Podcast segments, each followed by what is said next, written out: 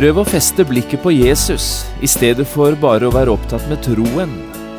Får du øye på Jesus, slik han møter deg i Bibelen og kristen forkynnelse, så kommer troen. Men prøver du å få øye på troen, forsvinner den ut bakdøra. Bare tvil og usikkerhet ligger igjen. Beklagelig, men det er slik det er. Jeg tror dette er noe av det vanskeligste å lære når det gjelder levende tro.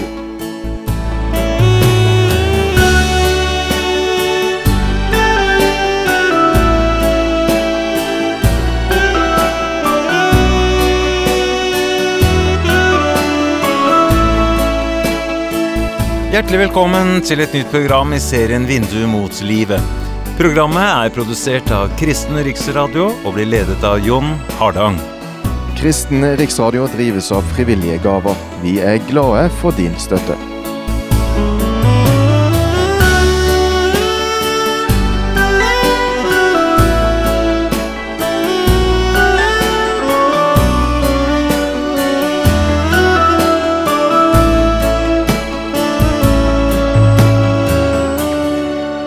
En dag jeg var på leiting etter skjulte skatter i Det gamle testamentet, her i kongebøkene og krønikebøkene, kom jeg over en stor og rik gullåre.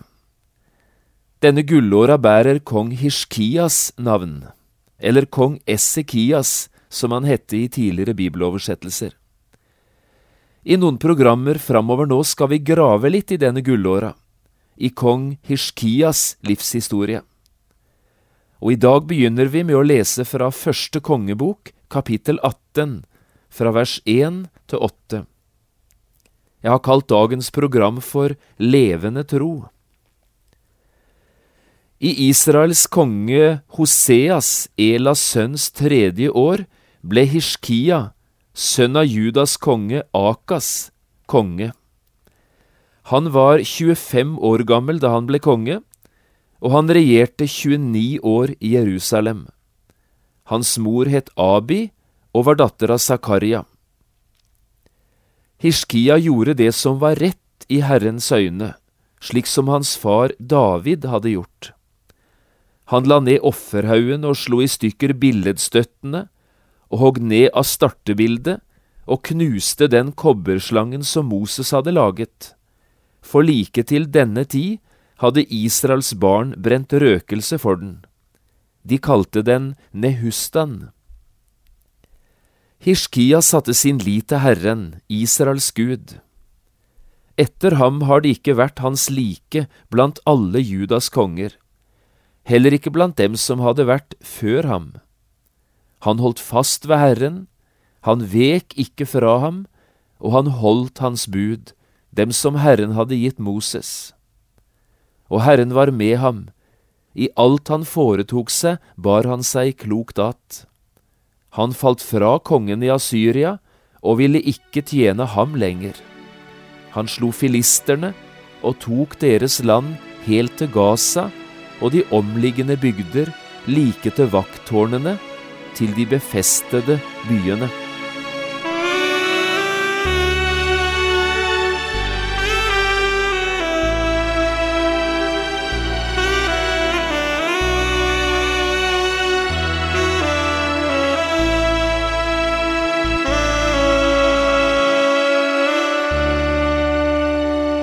Hvis dette hadde vært en time i Det gamle testamentet på bibelskolen på Bildøy, da ville jeg sannsynligvis ha begynt undervisningen om kong Hishkia med en del faktaopplysninger. Jeg tror jeg ville ha sagt omtrent følgende. Kong Hishkia ble født for litt over 2750 år siden, i året 750 før Kristi fødsel. Han ble konge i Juda, i Sørriket, og var bare 25 år gammel da han ble konge. Så regjerte han i 29 år, og døde altså bare 54 år gammel. Hans mor het Abi, og hans far het Akas. Kong Akas var en av de verste og mest ugudelige kongene i hele Judas historie. Men kong Hishkia var sin fars strake motsetning. Han satte sin lit til Herren. Og navnet hans betyr betegnende nok Gud er min styrke. så ville jeg sagt at kong Hishkia er hovedpersonen i elleve kapitler i Bibelen.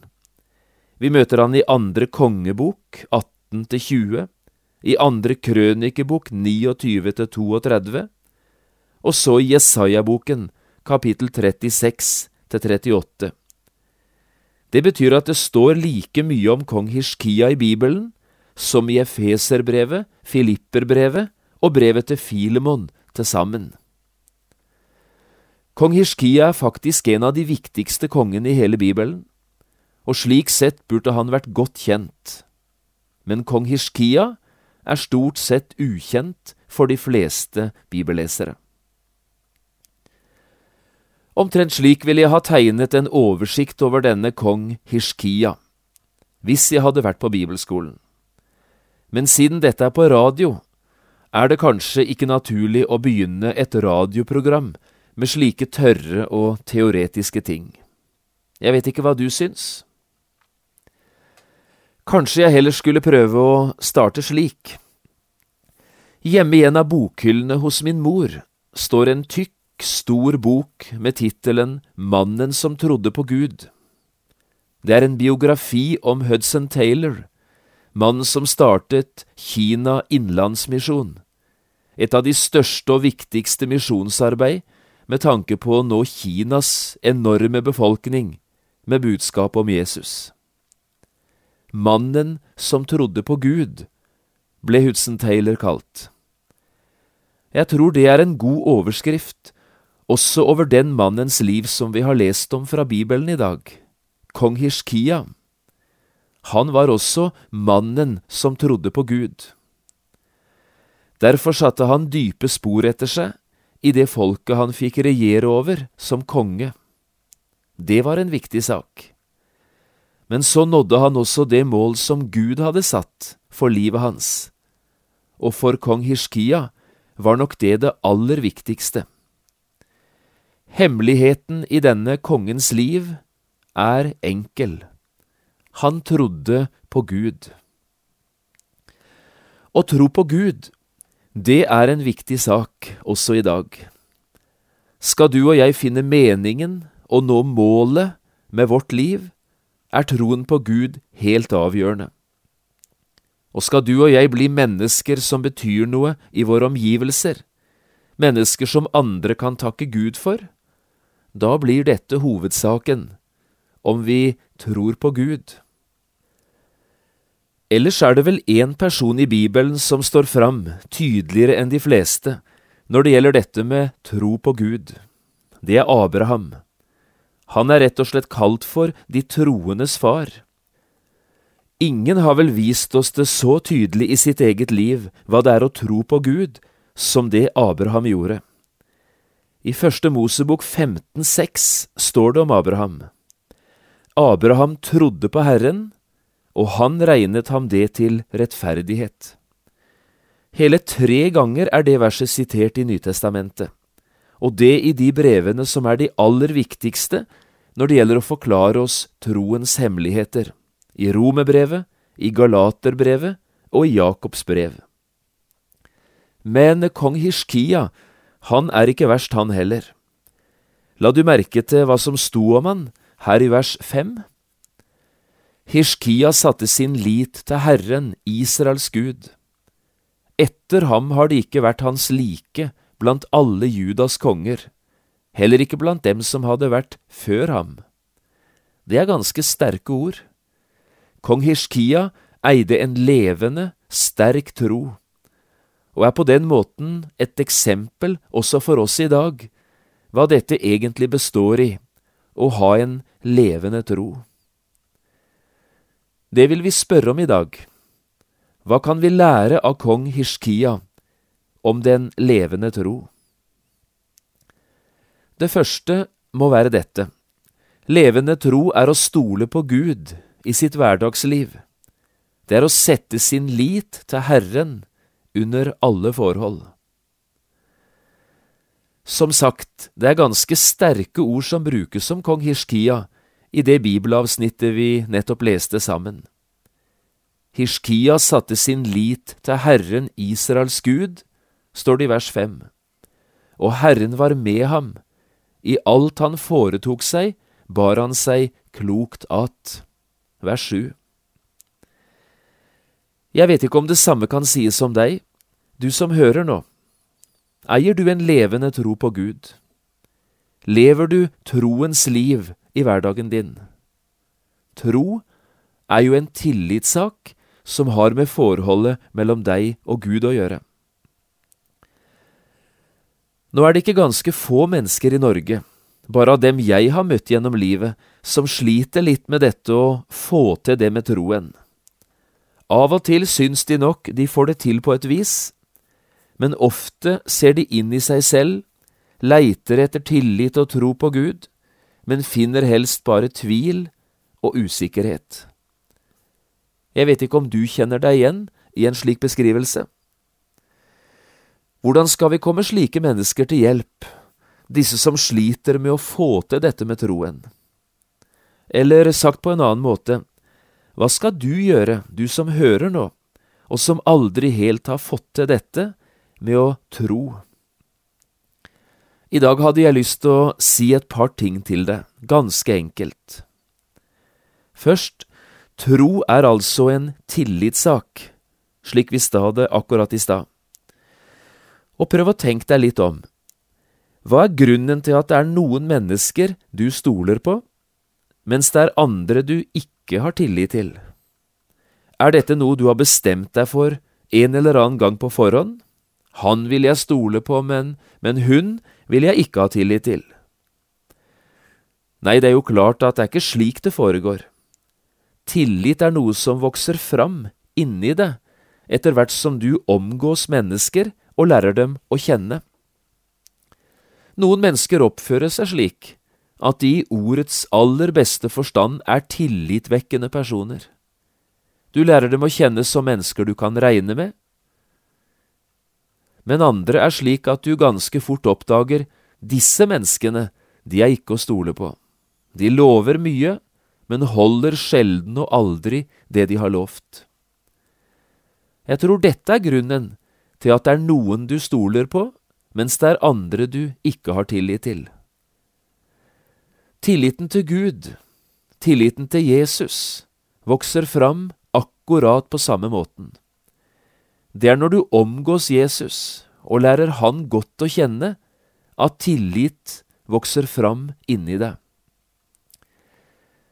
Det betyr at du må være sammen med Jesus, møte Han og være der han er. Helt konkret bruke Bibelen din, lytte til sunn kristen forkynnelse og bruke bønnen. Gjerne også engasjere deg i tjeneste for Gud og være med i et kristen fellesskap. Du skjønner, når du på denne måten er der Jesus er, da vokser tilliten, da vokser troen fram. Det kan du være ganske sikker på. Troen kommer av forkynnelsen, skriver Paulus en gang, og forkynnelsen skjer ved Kristi ord. Tro er ikke noe som kommer dettende ned i huet på folk. Den kommer inn gjennom ørene. Den kommer gjennom det budskapet du hører. Evangeliet om Jesus kalles troens ord, og er altså det budskapet, og det eneste budskapet som evner å skape tillit og tro i et menneskehjerte. Og så en ting til. Prøv å feste blikket på Jesus, i stedet for bare å fokusere det med troen. Ser du på Jesus, slik han møter deg i Bibelen og i kristen forkynnelse, så kommer troen. Men ser du etter troen, leiter du etter den, ja, så forsvinner den ut bakdøra. Tvil og usikkerhet blir igjen. Den flotte forkynneren Adolf Bjerkreim har skrevet en sang om denne levende tro. Hør her hva han sier i et par av versene sine. Du klager så ofte, jeg kan ikke tro, om ordet jeg leser, det gir ingen ro. Hvor meget jeg kjemper og strider og ber, min frelse i Jesus jeg dog ikke ser. Jeg vet ikke om du kjenner deg igjen? Og så synger Bjerkrem videre. Å tro, det er ikke å tro at du tror, men barnlig å klynge seg fast til Guds ord. Det er i sin avmakt å se på Guds lam, og så la seg nøye med ordet om Han. Kong Hiskia satte sin lit til Herren, sto det. Han trodde ikke på troen, han trodde på Gud. Det skal du også få lov å gjøre. Kan en levende tro arves? Skal vi våge også å stille det spørsmålet?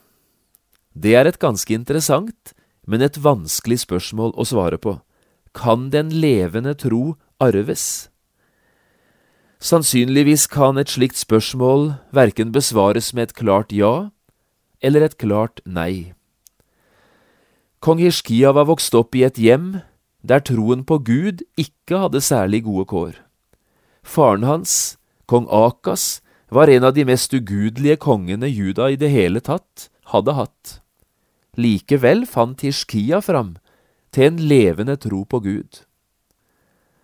Går vi så en generasjon videre, skjer det motsatte. Den gudfryktige kong Hishkia får en sønn, Manasseh, og han blir igjen den verste og mest gudløse kongen Juda noen gang har hatt så dette er ikke enkelt å tilrettelegge. Det er klart at det er også en naturlig løsrivingsprosess som alle våre barn og ungdommer må igjennom, også når det gjelder troens spørsmål. Barnetroen skal etter hvert avløses av en selvstendig, voksen og moden tro. Der gjør jeg mine egne valg og tar mine egne skritt. Og den løsrivingsprosessen, den går ikke alltid så knirkefritt. Jeg har møtt mange kristne foreldre gjennom livet. Noen er lykkelige fordi barna har valgt den samme troens vei som de selv går på. Men de er ikke et øyeblikk i tvil om grunnen. Det er Guds ufortjente nåde alt sammen. Det er ikke deres fortjeneste. Andre foreldre opplever det som et av de store smertepunktene i livet, det at barna har valgt å gå en annen vei enn himmelveien. I slike situasjoner er ofte selvbebreidelsene mange, og anfektelsen ganske stor. Hva gjorde vi galt? Var vi for strenge, eller var vi for ettergivende? Hvis jeg skulle snakke til noen slike foreldre i dag, slike som anklager seg selv for det ene eller for det andre, barna dine er ikke med på himmelveien, så hør her. Forklaringene er ikke enkle å finne. Ikke bebreide deg sjøl. Prøv heller å fortsette med å be for dem. Prøv å leve tydelig og godt med Gud. Og en dag kan det plutselig skje at også dine barn kommer. Ellers er det selvsagt klart at foreldrenes tro og liv har et enormt stort potensial i seg, en enorm stor betydning for barna. Hvis begge foreldrene er sammen i sin tro på Jesus, er det helt klart en styrke. Hvis foreldrene drar i hver sin retning, er det straks vanskeligere for barna. Hvem skal jeg følge? Men eh, det fins ingen enkle svar hvorfor noen havner på den veien og andre på en annen vei. Jeg syns likevel det er så fint det som står i andre Timotius brev, i kapittel 1. Det er Paulus som takker Gud for Timotius, og det gjør han med disse ordene. Timotius, jeg er blitt minnet om din oppriktige tro, den som først bodde i din mormor Louis, og så i din mor Aunike, og som jeg er viss på at også bor i deg. Vi hører ikke et pip om far eller bestefar, men mors og bestemors tro hadde satt spor i unggutten Timotius sitt liv. La oss nevne en liten ting til slutt. Levende tro er å innrette sitt liv etter Guds ord. Selv om vi bare sier litt, betyr ikke det at saken er mindre viktig. Det at kong Hishkia trodde på Gud, det viste seg konkret på ett bestemt punkt i livet. Se på vers seks. Han holdt fast ved Herren, han vek ikke fra ham, og han holdt hans bud, dem som Herren hadde gitt Moses. Levende tro er tro på Gud, og tro på Gud er tro på Guds ord. Her kan du prøve deg selv. Hva er din holdning til Guds ord? Bryr du deg om det som er skrevet? Tar du det til hjertet? Innretter du livet ditt etter det? Ja, for det er slik den levende tro viser seg i praksis. En del mennesker sier at de tror på Gud, men så bryr de seg ikke noe om det som står i Bibelen. De lever slik de selv vil, de velger sine egne veier, ikke Guds vei gjennom livet. Det kan godt være at også det er en slags tro på Gud, men noen levende tro er det i alle fall ikke. Den kjennetegnes av kjærligheten og avhengigheten til Jesus, og så av et inderlig ønske om å være Han til behag, både i ord og i liv. Du trenger ikke Guds ord for å overleve som kristen, du trenger Guds ord for å leve som kristen. I alt han foretok seg, bar han seg klokt at, står det om kong Hishkia. Vet du hva det betyr? Det betyr at han hadde Guds ord som en lykt for sin fot, og som et lys på stien. Han brukte tid på å gjøre seg kjent med Guds ord, den som var gitt av Moses, og så våget han å anvende disse ordene på sitt praktiske hverdagsliv. Det skulle du og jeg også prøve å gjøre. Gjør oss kjent med Bibelen, og så innrette oss etter det.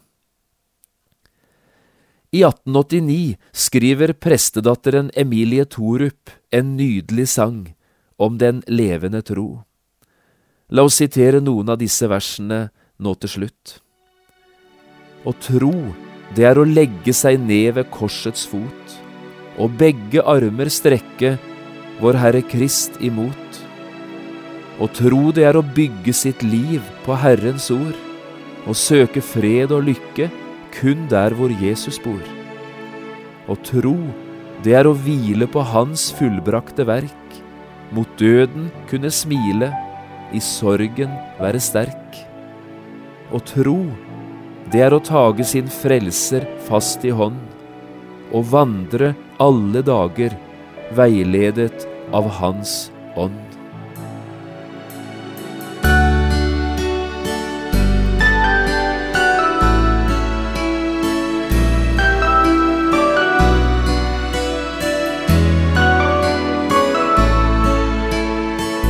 Du har lyttet til programmet serien Vindu mot livet med John Hardang. Programmene i denne serien kan også kjøpes på CD fra Kristen Riksradio, eller høres på internett på p7.no. Har du spørsmål eller kommentarer til det du nå har hørt, kan du ta kontakt med oss. Adressen er Kristen Riksradio, Skiene 2, 5353 Straume. Eller send en e-post vml alfakrøll p7.no. Takk for i dag, og på gjenhør.